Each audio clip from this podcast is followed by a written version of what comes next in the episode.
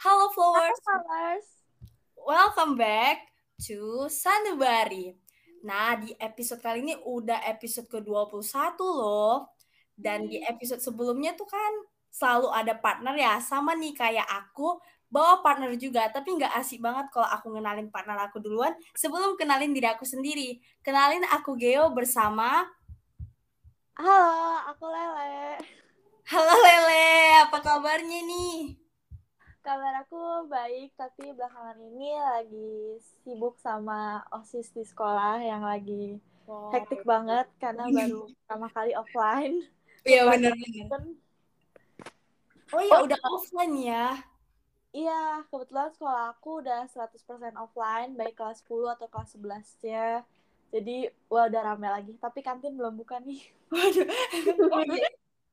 Jadi itulah kesibukannya baru-baru ini juga ya tentang OSIS juga. Ya, kalau Geo sendiri kesibukannya apa nih belakangan ini? Aku juga uh, bisa dibilang kosong ya. kosong juga bingung juga mau ngapain. Udah tamat ya. Jadi oh, baru lulus ya? Iya, nggak ada ngapa-ngapain lagi nih. Uh, eh, BTW nih kan ya, Le, pernah nggak sih kamu pada masa-masa sekarang ini yang di masa-masa etik ini juga ngalamin moody gitu atau sering dengar nggak sih kalau moody itu salah satu ciri bipolar? Itu beneran nggak ya? Wah, jadi aku tuh sering dengar ya, sering baca-baca hmm. juga di sosial media. Kalau orang yang sering moodnya berubah-ubah tuh bisa jadi itu salah satu ciri dari bipolar. Dan kalau aku sendiri di belakangan ini kan lagi sibuknya terus tuh kayak benar-benar apa ya kadang belakangan ini juga emang rasa moodnya berubah-ubah. Kadang benar-benar happy banget terus tiba-tiba habis itu bisa nangis sendiri. Terus habis itu bisa ketawa lagi. Cuma lebih mirip agak serem sih kadang. Ya berarti emang terjadi perubahan yang drastis gitu ya sama suasana hati kita? Iya, jadi kayak yang tadinya dari ketawa bisa tiba-tiba nangis, terus dari nangis mungkin bisa tiba-tiba ketawa lagi. Jadi perubahan moodnya itu agak naik turunnya tuh secara drastis gitu loh dan kadang mungkin itu juga kita nggak sadar ya. Iya betul. Bener banget ya. Tapi ya dari yang kamu sebutin itu itu emang kamu udah kayak ambil bagian pengertian dari bipolar loh. Karena bipolar ini salah satu gangguan kesehatan mental yang di mana itu berhubungan dengan perubahan suasana hati di mana itu posisi kejadian itu ketika dari awalnya tertekan lah tertekan biasa masih kayak masih rendah-rendah gitu eh ujungnya makin besar makin depresi gitu loh. Iya bener banget. Dan kadang apa ya kita tuh sebenarnya nggak mau kan moodnya berubah-ubah drastis karena justru ya. itu ngeganggu ngeganggu kegiatan sehari-hari nggak sih? Bener, kayak bener. misalnya mau belajar belajar kalau misalnya moodnya nggak bagus kan jadi batal juga ya jadi males kan? Bener-bener tapi kan karena ini kan mood ini termasuk banyak orang yang ngalamin ya termasuk kamu aku juga. Tapi banyak loh iya. gara-gara itu yang suka salah kira kalau mood ini termasuk bipolar gitu. Ya mungkin buat beberapa orang masih sering self diagnose kali ya. Jadi kayak mungkin karena moodnya berubah-ubah secara drastis mereka nganggepnya ah apa gue apa gue kena bipolar ya? Gitu. Tapi menurut aku jangan sampai self diagnose yang kayak gitu karena jatuhnya apa ya takut ya sebenarnya tuh kalian tuh nggak kena uh, penyakit itu cuman karena kalian karena kalian menduga-duga sendiri ya setuju jadi malah bahaya juga kan iya uh, jadi gini le kan kak, tadi kan kita udah bilang nih ya kalau moody tuh bukan hampir sama juga ya sama bipolar. Ada iya. nggak sih yang kamu tahu kayak pertanda gitu terjadinya gangguan bipolar ini? Kalau aku mungkin sebutin gejala umum kali ya dari orang-orang hmm. yang mungkin terkena bipolar. Mungkin kayak perasaan atau bahagia atau antusiasmenya itu yang berlebih gitu. Terus kayak mereka tiba-tiba semangatnya menggebu-gebu banget. Atau mungkin perasaan bersa ngerasa bersalah gitu secara berlebihan. Dan mereka ini yang suka begadang kayak insomnia gitu nggak bisa tidur Iya, ya, dan itu bisa yang aku tahu ya dari penelitian WHO sendiri dari gejala umum ini juga bisa menyebabkan kematian akibat bunuh diri loh karena ya udah ada buktinya dari penelitian itu sendiri 45 juta orang. Kaget gak sih kamu? Kaget sih kayak wah banyak banget iya, ternyata. kayak 45 juta orang tuh kalau dikumpulin bakal seramai apa ya parah. Parah banget ya ampun. Jadi kan le kan kamu tadi udah bilang kayak hmm. itu ada perasaan yang menggebu-gebu. Tapi kan kadang kan kalau yang kita tangkap ya perasaan menggebu-gebu itu kan kemudian juga nih kan. Jadi menurut kamu apa sih perbedaan yang betul-betul kayak ini bipolar ini kemudian aja loh. Normal-normal biasa gitu mudinya gitu. Kayak mana sih kalau menurut aku mungkin ya buat para penderita bipolar tuh hmm. peningkatan atau penurunan moodnya itu secara ekstrim gitu loh atau intens mungkin ya G. Yeah. Jadi kayak lebih ke depresif. Kalau moody itu kan moodnya masih da dalam jangkauan normal ya. Kayak kita masih mungkin gitu untuk ngembaliin moodnya tuh pelan-pelan secara skala gitu. Berbeda mungkin dengan para penderita bipolar yang oh, itu yeah. drastis banget dan kadang mereka juga susah untuk kontrol diri mereka sendiri Iya, setuju banget. Nah, aku setuju banget sih sama yang kamu bilang kayak kalau moody itu cuman kayak mood-mood biasa doang walaupun kadang moodnya itu suka naik turun gitu-gitu yeah. ya. uh, nah, menurut kamu nih ya dari yang kita lihat tadi kan bipolar ini kan memang berkaitan erat juga dengan mood. Ada nggak sih pencegahan tentang bipolar ini yang kamu sempat dengar atau mungkin yang pengen banget kamu bagiin ke flowers? Hmm kalau yang aku baca dari sosial media, internet yang lainnya, mm-hmm. buat sam- sampai saat ini tuh belum ditemukan pencegahan bipolar itu sendiri dan pengobatannya mungkin cuma dikasih obat-obat sama psikoterapi kali ya.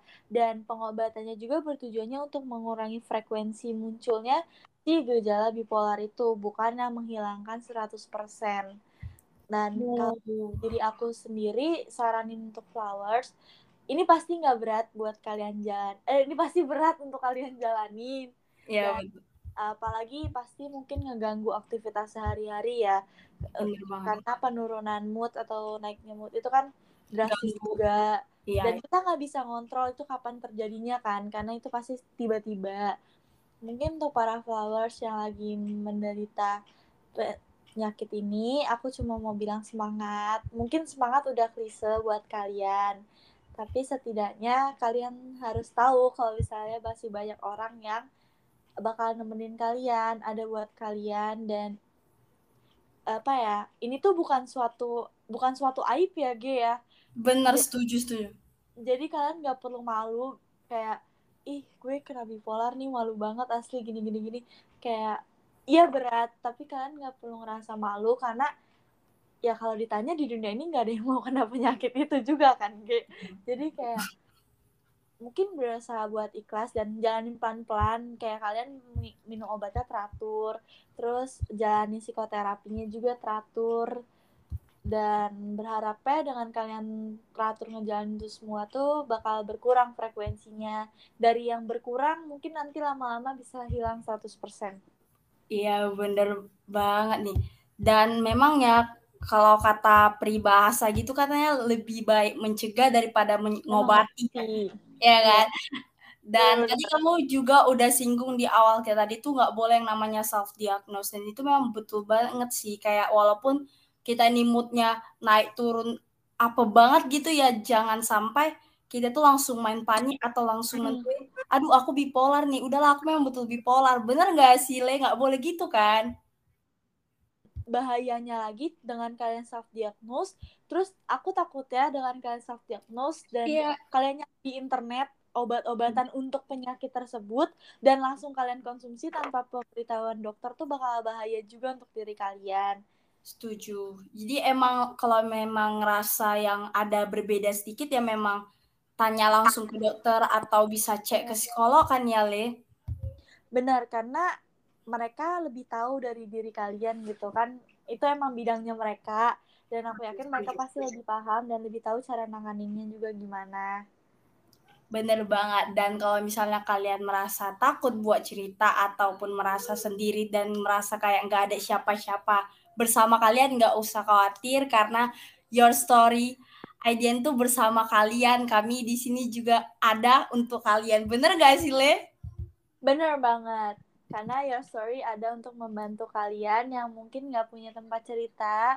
Kalian bisa cerita ke kita tanpa kal tanpa kalian tuh perlu takut kalau cerita kalian tuh bakal dijudge, bakal kayak kita bakal ih apaan sih cerita lo gini gini gini gini. mungkin gitu karena, sih. Iya, karena kita bakal terbuka untuk menerima cerita kalian, kita bakal rangkul kalian dan pastinya kita bakal bantu ya G ya sebisa kita. entah dalam bentuk saran atau mungkin kalau kalian cuma mau didengerin aja kita bakal setia dengerin kalian. Betul. Wah nggak kerasa banget nih kita luar biasa udah ngupas banget ya tentang bipolar dari awal mengenai bedanya tentang mudi-mudian kayak begitu atau mungkin tentang gejala-gejalanya ya kan Le? Iya dan pada akhirnya kita telah sampai di akhir episode. Ada nggak sih Le yang pengen kamu sampaikan untuk penutup ke flowers? Aku mau ucapin terima kasih buat para followers yang udah bertahan sampai sekarang. Mungkin prosesnya nggak gampang, pasti prosesnya berat buat ada di titik sekarang. Tapi kalian benar-benar hebat bisa lewatin semuanya. Dan pasti juga bahu kalian nggak kayak bahu kalian gak seringan itu buat ada di titik ini. Pasti berat banget. Jangan menyerah. Karena aku yakin pasti kalian masih punya banyak mimpi-mimpi yang harus dikejar. Harus tetap semangat buat yang mungkin dengan topik bipolar ini mungkin dengan kalian yang udah didiagnosa mendapatkan bipolar jangan patah semangat. Jangan ngerasa kalau itu aib. Jangan malu karena kalian tuh hebat. Kalian hebat keren banget pokoknya semangat terus buat semuanya dan aku mau ucapin maaf kalau semisal selama podcast ini ada kata-kataku yang kurang baik atau menyinggung kalian. Bener banget. Uh, kami juga berusaha sebaik mungkin buat menyajikan yeah. ini. Dan ya intinya kalian keren banget ya, luar biasa. You are worth it and you are precious. Intinya gak usah takut, kalian tuh gak sendiri karena ada YSI bersama kalian. Ya, Your Story oh. udah mirip sama Ayang belum nemenin kalian terus? Bener banget, setuju. So, thank you so much Flor sudah dengerin episode ini. Goodbye dan sampai jumpa di episode selanjutnya. Dadah semua. Dadah, see you flowers. Hello flowers. Welcome back to our dearest podcast of Your Story Indonesia. Apalagi kalau bukan Sanubari. Oke, okay, nice to meet you again, Flowers. Dan juga pastinya Syahla sebagai partner speaker aku kali ini. Halo guys, dan halo juga Mulan. Hai Syahla. Oke, okay, nah kamu akhir-akhir ini lagi banyak tugas dan deadline yang ngejar gak sih? Wah, kalau aku nih, jujur sih banyak banget, apalagi ditambah sama organisasi-organisasi, terus tugas sekolah, tugas kepanitiaan, tugas tugas apa pun itu deh tugas dari bimbel tuh menumpuk banget rasanya wah banyak banget ya sebenarnya sama sih aku akhir-akhir ini lagi padat banget ya like jadwalnya karena minggu depan aku udah final test dan aku terus kebayang sama kasur yang empuk dan medsos yang menggoda dan imbasnya aku sampai diomelin sama guru karena hampir banget kelewatan deadline. Aduh, aku relate banget sih. Kamu semangat ya untuk final testnya ya. Tapi ngomong-ngomong kamu kalau menggoda itu tuh kasur tuh kamu langsung ke kasur aja apa kamu bisa kayak uh, bisa kayak menghindari kasur tuh? Wah, sebenarnya as much as possible gak mau ya. Tapi kadang kalau misalnya udah nyampe ngantuk banget, udah nyampe kayak, waduh, kayaknya bisa dikerjain besok deh. Langsung ke kasur sih. Oh, berarti kamu tipe orang yang prokrastinasi nih, jangan-jangan. Wah, bener, bener, bener aduh gimana sih jangan-jangan kamu belum tahu ya ya udah deh hmm. flowers maaf ya tadi ada sedikit hmm, gimana ya ngomongin tentang permasalahan kita gitu nah tapi sekarang kita udah mau masuk ke topiknya ini nih yang tadi udah kita mention ya sebelumnya di obrolan kita tadi tapi kali ini sering banget terjadi sama pelajar-pelajar nih aduh emang ini bad things banget sih sebenarnya jadi apa sih topik kita kali ini? Topik kita kali ini kita akan membahas tentang prokrastinasi. Nah, apa sih prokrastinasi itu? Prokrastinasi diambil dari bahasa Latin yaitu pro yang artinya maju, lebih menyukai, atau ke depan, sedangkan krastinus berarti besok. Nah, kata tersebut dirangkai menjadi istilah sendiri yaitu procrastination atau prokrastinasi dalam bahasa Indonesia. Di mana jika digabungkan kata tersebut berarti senang melakukan tugasnya besok. Menurut penelitian Joseph Ferrari seorang profesor dari DePaul University, Chicago, mengungkapkan bahwa 20% wanita dan laki-laki yang ada di seluruh dunia memiliki sifat prokrastinasi. Mereka cenderung mempunyai gaya hidup yang bersifat maladaptif, baik itu di rumah, sekolah, tempat kerja, maupun di sebuah hubungan. Ferrari mengungkapkan bahwa prokrastinasi merupakan kecenderungan dalam menunda untuk melakukan suatu hal hingga mereka merasa tidak nyaman saat menit-menit terakhir deadline. Nah, dilansir juga nih dari Psikologi Today, seorang prokrastinator umumnya akan mengungkapkan sebuah kalimat andalan, yaitu aku akan merasa semangat jika melakukan hal ini besok. Namun pada keesokan harinya mereka akan mengungkapkan kalimat tersebut kembali. Hingga pada akhirnya mereka mulai mengerjakan tugasnya di menit-menit terakhir nih. Gimana, udah ada gambaran nggak sih tentang prokrastinasi ini tuh? Iya sih, bener banget Syahla yang kamu bilang itu. Dan Buat tambahan juga, para prokrastinator atau deadliners nih biasanya akan membohongi diri mereka sendiri dengan cara mengatakan bahwa ya tugas tersebut tuh nggak penting. Padahal pada akhirnya mereka juga harus melakukan untuk kepentingan mereka sendiri. Dan adapun alasan lain seseorang gemar menunda pekerjaan adalah karena mereka menunggu termotivasi. Orang-orang yang memiliki sifat tersebut biasanya akan mengaku bahwa mereka akan bekerja lebih baik jika sudah tertekan di waktu-waktu terakhir. Nah, sebenarnya banyak banget alasan um, atau definisi dari procrastination atau procrastinator ini ya. Tapi kita move on ke why we do it. Kenapa kita, kenapa kebanyakan orang lebih suka mengejar deadline, lebih suka ngerjain pas hari di deadline itu. Nah, sebenarnya ada tiga alasan utama uh, penyebab terjadi prokrastinasi menurut penelitian. Nah, pertama itu kita mungkin menunda-nunda ketika kita tidak mampu mengelola perasaan negatif seputar tugas, seperti bosan, cemas, rasa tidak aman, frustasi, dendam, dan keraguan diri.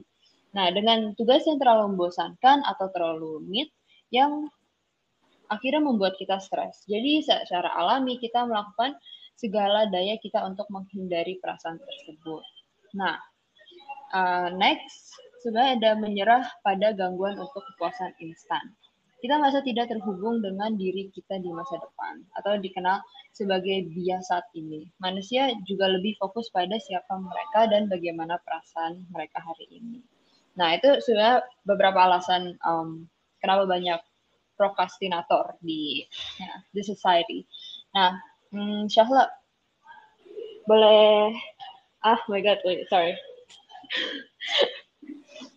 tiba-tiba apa bahasa Indonesia ya um, jenis tiba-tiba oh my god can you tell me what can you tell me Oke, okay, oh. okay. Mulan, aku bakalan take over di sini ya. Oke, okay. ini retake, ini bisa di retake aja. Oke, okay, let's retake. Let's retake. Tiba-tiba oh, bahasa Indonesia. Ah, bisa nanti diedit soalnya. Ah, oke, oke. Oke, berarti lanjut aja ya? Mm, enggak, I'll just like from, um, maksudnya dari yang nomor dua. Oke, okay. boleh kamu ulang lagi deh boleh. Oke, okay, nah next nomor dua itu menyerah pada gangguan untuk kepuasan instan. Nah kita biasanya merasa tidak terhubung dengan diri kita di masa depan. Dikenal sebagai biasa saat ini, manusia juga lebih fokus pada siapa mereka dan bagaimana perasaan mereka hari ini. Nah, dan itu adalah beberapa alasan utama penyebab terjadi prokrastinasi menurut beberapa penelitian yang kita cari. Now, next is time for um, another discussion yang Syahla boleh, can you tell us six types of procrastination in this, you know, in this world? Boleh dong, Mulan. Nah, buat yang belum tahu nih, sebenarnya tuh prokrastinasi tuh terbagi jadi enam jenis. Yang pertama ada perfectionist apa sih perfeksionis udah di udah ada nih kata-kata perfect di dalam katanya itu kan. Nah, berarti kita udah tahu nih apa arti perfect kan yang artinya kita tuh terlalu mau sempurna sehingga kita terlalu memperhatikan detailnya. Enggan memulai atau menyelesaikan tugas dan karena terlalu memikirkan banyak detail, saking terlalu lamanya kita jadi terus prokrastinasi tuh. Itu yang namanya perfectionist. Itu tipe yang nomor satu. Nah, apa sih tipe nomor dua? Tipe nomor dua itu adalah dreamer. Yaitu yang tidak suka memperhatikan detail. Mereka lebih memilih imajinasi tanpa batas sehingga tidak dapat fokus dalam menyelesaikan tugas. Mereka tuh ke distract sama imajinasi mereka sendiri sehingga mereka lupa apa tugas mereka, apa kepentingan mereka. Dan itulah yang dinamakan dreamer. Yang ketiga ada warrior. Apa tuh warrior? Yang yaitu orang yang takut mengambil resiko dan takut banyak menghabiskan waktu karena terlalu mengkhawatirkan keadaan. Nah, ini tuh um, sudah seperti orang yang sangat khawatir dengan suatu hal saking overthinkingnya. Jadi tuh dia takut mau mulai sesuatu sehingga akhirnya dia prokrastinasi, prokrastinasi karena dia mempersiapkan diri karena saking khawatirnya. Nah itu yang disebut warrior. Nah apa sih yang keempat? Yang keempat itu ada crisis maker. Apa itu? Seorang sering menunggu sampai eh aku boleh ulang nggak sih yang crisis maker? Boleh boleh. Oke okay, boleh sorry ya. Oke. Okay. Yang keempat itu ada crisis maker. Apa itu? Yaitu orang yang sering menunggu sampai menit terakhir, berpikir dapat bekerja lebih baik di bawah tekanan.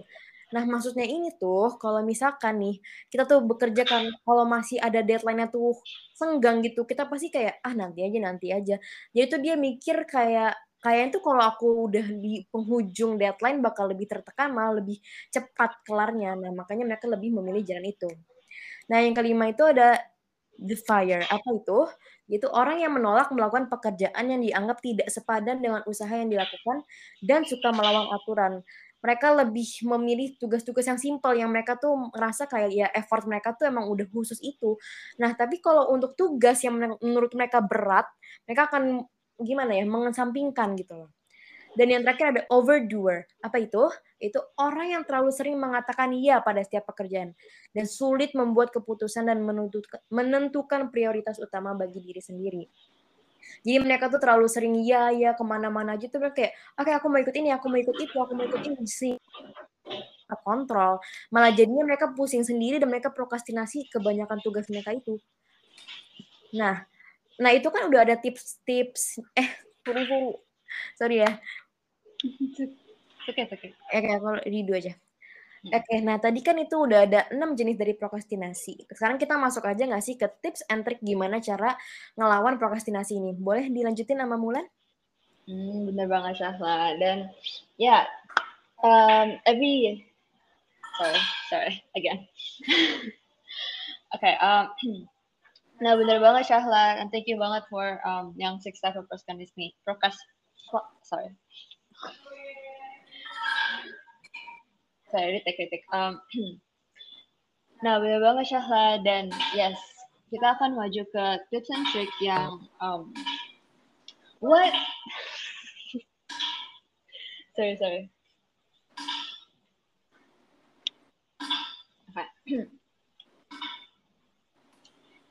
masih kedengaran kan? Aku masih uh, jelas nggak suaranya? Jelas kok, jelas. Oke, okay, oke. Okay. Oke, okay, retake one, two, three. Oke, okay, dan bener banget Syahla. Um, kita akan maju aja ke tips and trick cara anti procrastinasi hmm, secepatnya. Dan one of them is the 10 minute anti procrastination trick. Nah sebenarnya ini aku kalau lihat-lihat sebenarnya aku juga kadang uh, do this every time when I'm about to procrastinate dan aku bilang aja nih kita harus bisa mengaloki mengal mengalokasikan okay. sorry Oh my god. Gak apa-apa. Oke, nah, nah bener banget Syahla. Kita akan maju aja ke tips and trick the 10 minute anti-procrastination trick. Oke, okay, nah kita pertama harus bisa mengalokasikan 10 menit untuk membenamkan diri sepenuhnya ke dalam tugas yang kita tunda. Nah, jika dalam 10 menit kita benar-benar gak mau, gak bisa, kayak benci banget, kayak aduh gak bisa nih, dan lepaskan dan coba lagi nanti. Ini aku sering banget melakukan trik ini actually. Um, kalau misalnya in a time span of 10 sampai 15 menit, I keep on staring on the screen dan kayak gak bisa ngelakuin apa pun. Ya, aku langsung kayak kayaknya gak bisa. Aku bakal um, aku bakal stop dulu. Aku bakal mikir gimana cara nanti aku uh, gimana cara nanti aku akan ngerjainnya lagi dan kemungkinan besar kita akan terus mengerjakan tugas setelah itu memulainya. Tapi kita jadi bisa mikir kalau um, alternatif cara alternatif untuk sorry, wow, so sorry. Oke, okay. retake, retake. Oh ini retake berapa? Sorry sorry, oke. Okay. Hmm. Let me just keep it simple, oke. Okay. Hmm nah benar banget Syahla oke okay, kita akan uh, masuk ke tips and trick yang pertama which is the 10 minute anti procrastination trick nah kita harus bisa mengalokasikan 10 menit untuk membenamkan diri sepenuhnya ke dalam tugas yang kita tunda. Nah, jika dalam 10 menit kita benar-benar benci banget sama tugasnya atau enggak kita nggak bisa ngelakuin itu sama sekali, ya lepasin aja dan coba lagi nanti. Ya kemungkinan besar kita akan terus mengerjakan tugas setelah kita memulainya. Tapi setelah itu kita pasti bakal um, menemukan cara alternatif atau kreatif untuk memulainya lagi seperti uh, kita bisa membuat hadiah untuk memulai tugas atau membagi tugas menjadi tugas yang lebih kecil agar tidak terlalu menakutkan. Nah, pada akhirnya ini tentang sebenarnya kesadaran diri kita sendiri ya, memahami mengapa kita menunda-nunda dan fokus mengatur perasaan yang melekat padanya. Dan uh, sebenarnya kalau, wait, sorry, aku mau add something tapi miss the time. Wait, sorry. Like we take one more time. I promise. Sorry, Oke. Retake yang nggak tahu keberapa, tapi yes. Oke, okay, benar banget Syahla. Dan kita akan move on ke tips and trick yang pertama, the 10 minute anti-procrastination. Nah, pertama kita harus bisa mengalokasikan 10 menit untuk membenamkan diri sepenuhnya ke dalam tugas yang kita tunda. Nah, jika dalam 10 menit atau mungkin 10 sampai 15 menit kita benar-benar benci banget, kita nggak bisa ngelakuin tugas itu sama sekali, ya lepasin aja dan coba lagi nanti.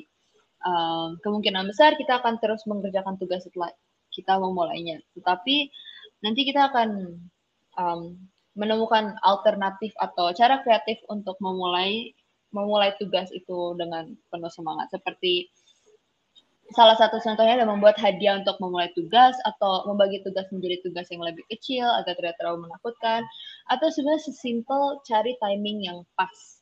Sebenarnya ini aku um, do it all the time. Kalau misalnya aku nggak bisa banget ngerjain tugas, kalau misalnya ada, ada deadline essay ini, sebenarnya aku ada deadline essay sih, which is due like this week.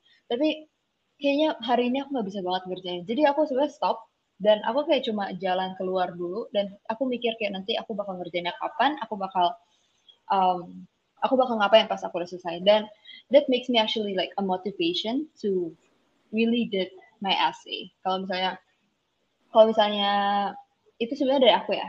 Nah sebenarnya pada akhirnya itu tentang kesadaran diri kita sendiri kesukaan kita sendiri dan memahami mengapa kita menunda-nunda dan fokus mengatur kita harus lebih fokus mengatur perasaan yang melekat pada pada diri kita sebenarnya.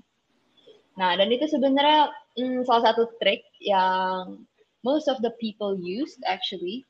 Um, now there are other other top tips on how to avoid procrastination. Syahla, you can take it over. Oke, boleh. Nah, kalau tadi triknya itu udah dijelasin nama Mulan, aku bakal ngejelasin tentang tipsnya nih. Five top tips on how to avoid procrastination. Yang pertama adalah untuk mengatur pencapaian-pencapaian kecil yang ingin diraih. Jadi ada kata istilah nih, kalau kita tuh harus fokus dengan proses daripada fokus dengan hasil. Dengan begitu prosesnya tuh kita bakal tercapai suatu proses yang sempurna. Makanya di sini tuh kita bilang atur pencapaian-pencapaian kecil yang ingin diraih dulu sebelum kita buat pencapaian yang kayak untuk besarnya lagi. Jadi gimana sih caranya? Kita butuh buat untuk to-do list kita to-do list kita itu bisa berupa um, ngerjain PR atau sorry sebentar ada ada sebentar ada orang tua oke oke oke aku ulang ya sorry tadi ada orang it's okay yes oke tadi kan triksnya udah dijelasin ya Mbak Mulan. Nah, kalau aku sekarang bakal ngejelasin tipsnya nih. Five top tips on how to avoid procrastination. Yang pertama adalah untuk mengatur pencapaian pencapaian penca hmm. sorry Apa?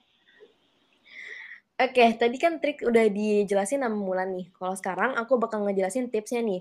Five top tips on how to avoid procrastination. Yang pertama adalah atur pencapaian-pencapaian kecil yang ingin diraih. Jadi ada istilah nih, kita harus fokus dengan proses dibanding fokus dengan hasilnya. Maka itu kita harus membuat proses itu kita pilah lagi menjadi kecil. Yang di mana nanti setiap prosesnya bisa kita capai dengan sempurna. Makanya itu kita harus ada to-do list nih. Kita buat, buat to-do list berdasarkan skala prioritas kita. Misalkan ada PR yang deadline-nya besok, ya kita kerjain itu dulu dibanding yang deadline-nya masih lusa gitu lah. Nah yang kedua apa sih? Yang kedua adalah organisir tugas-tugas yang lebih penting untuk dikerjakan. Nah itu tadi nyambung sama poin pertama tadi. Habis buat atur pencapaian dengan to-do list, kita buat urutin lagi tuh dari yang to-do list itu, mana sih yang paling penting? Jadi terorganisir juga. Jadi kita tahu kita nggak um, kita nggak gegabah langsung ngerjain apa-apa, eh tahu-taunya malah yang lebih penting malah kita lupakan gitu loh. Yang ketiga adalah fokus. Nah, ini tuh emang fokus tuh harus ditetapin nama diri kita sendiri. Karena biasanya aku tuh ngerjain tugas aja tuh apa namanya banyak banget gitu distraksinya. Nah, ini nyambung sama poin keempat yaitu hilangkan distraksi. Jadi in order untuk kita bisa fokus ya kita harus menghilangkan distraksi. Biasanya sih ya distraksi terbesar untuk remaja remaja ini sih ya biasanya sih handphone, laptop, YouTube, pokoknya sosial media atau enggak gadget tuh emang paling distraksi banget. Makanya itu kita harus kayak memingkirkan dulu deh kalau bisa taruh jauh-jauh untuk kita bisa ngerjain tugas secara fokus tanpa distraksi. Nah, poin kelima adalah berusaha untuk dapat memaafkan diri sendiri. Gimana sih maksudnya? Maksudnya tuh jadi kita untuk kita bisa melakukan suatu hal dengan calm, dengan tenang dan juga terarah, kita harus memaafkan diri sendiri. Kita harus kayak uh, misalkan kita memaafkan diri sendiri, aduh udah mau um, kena deadline-nya nih, gimana sih bukannya gue ngerjain dari lama, bukannya gue udah ngerjain dari kemarin. Mendingan daripada mikirin itu, mendingan mikirin untuk stay tenang dan langsung kerjain aja buru-buru dibanding overthinking sama yang udah lalu juga yang nggak bisa kita ulang lagi gitu loh. Nah, gimana gimana? Tadi kan kita aku sama Mulan udah jelasin nih tentang prokrastinasi. Udah pada ngerti belum? Semoga sih bisa jadi bahan refleksi diri kita ya. Hmm, amin. Dan bener banget. Uh, semoga semuanya bisa melakukan kerjaan tugasnya dengan, you know, amin. Retake. ya, amin, amin banget. Dan semua, semoga semuanya bisa mengerjakan tugasnya dengan um, selesai sebelum deadline dan sebenarnya nggak kerasa ya udah di penghujung episode. Wah iya banget nih kita keasikan ya bahas prokrastinasi karena kita salah satunya nggak sih? bener banget, bener. Oke, okay, buat teman-teman sanubari, menjadi kaum deadliners emang rawan di, di masa remaja. Aku harapkan sih bisa mengurangi step by step aja untuk memicu yang terjadinya prokrastinasi. Udah mulai kalian hilangin tuh kebiasaan-kebiasaannya. Fighting flowers! Fighting. Dan jangan lupa follow Instagram your story Indonesia at yourstory.idn terus share semua ceritamu karena cerita kamu berarti. Um, aku mulai dan bersama aku Syahla pamit undur diri stay tune dan terus nantikan podcast Sanubari lainnya. Goodbye flowers. Goodbye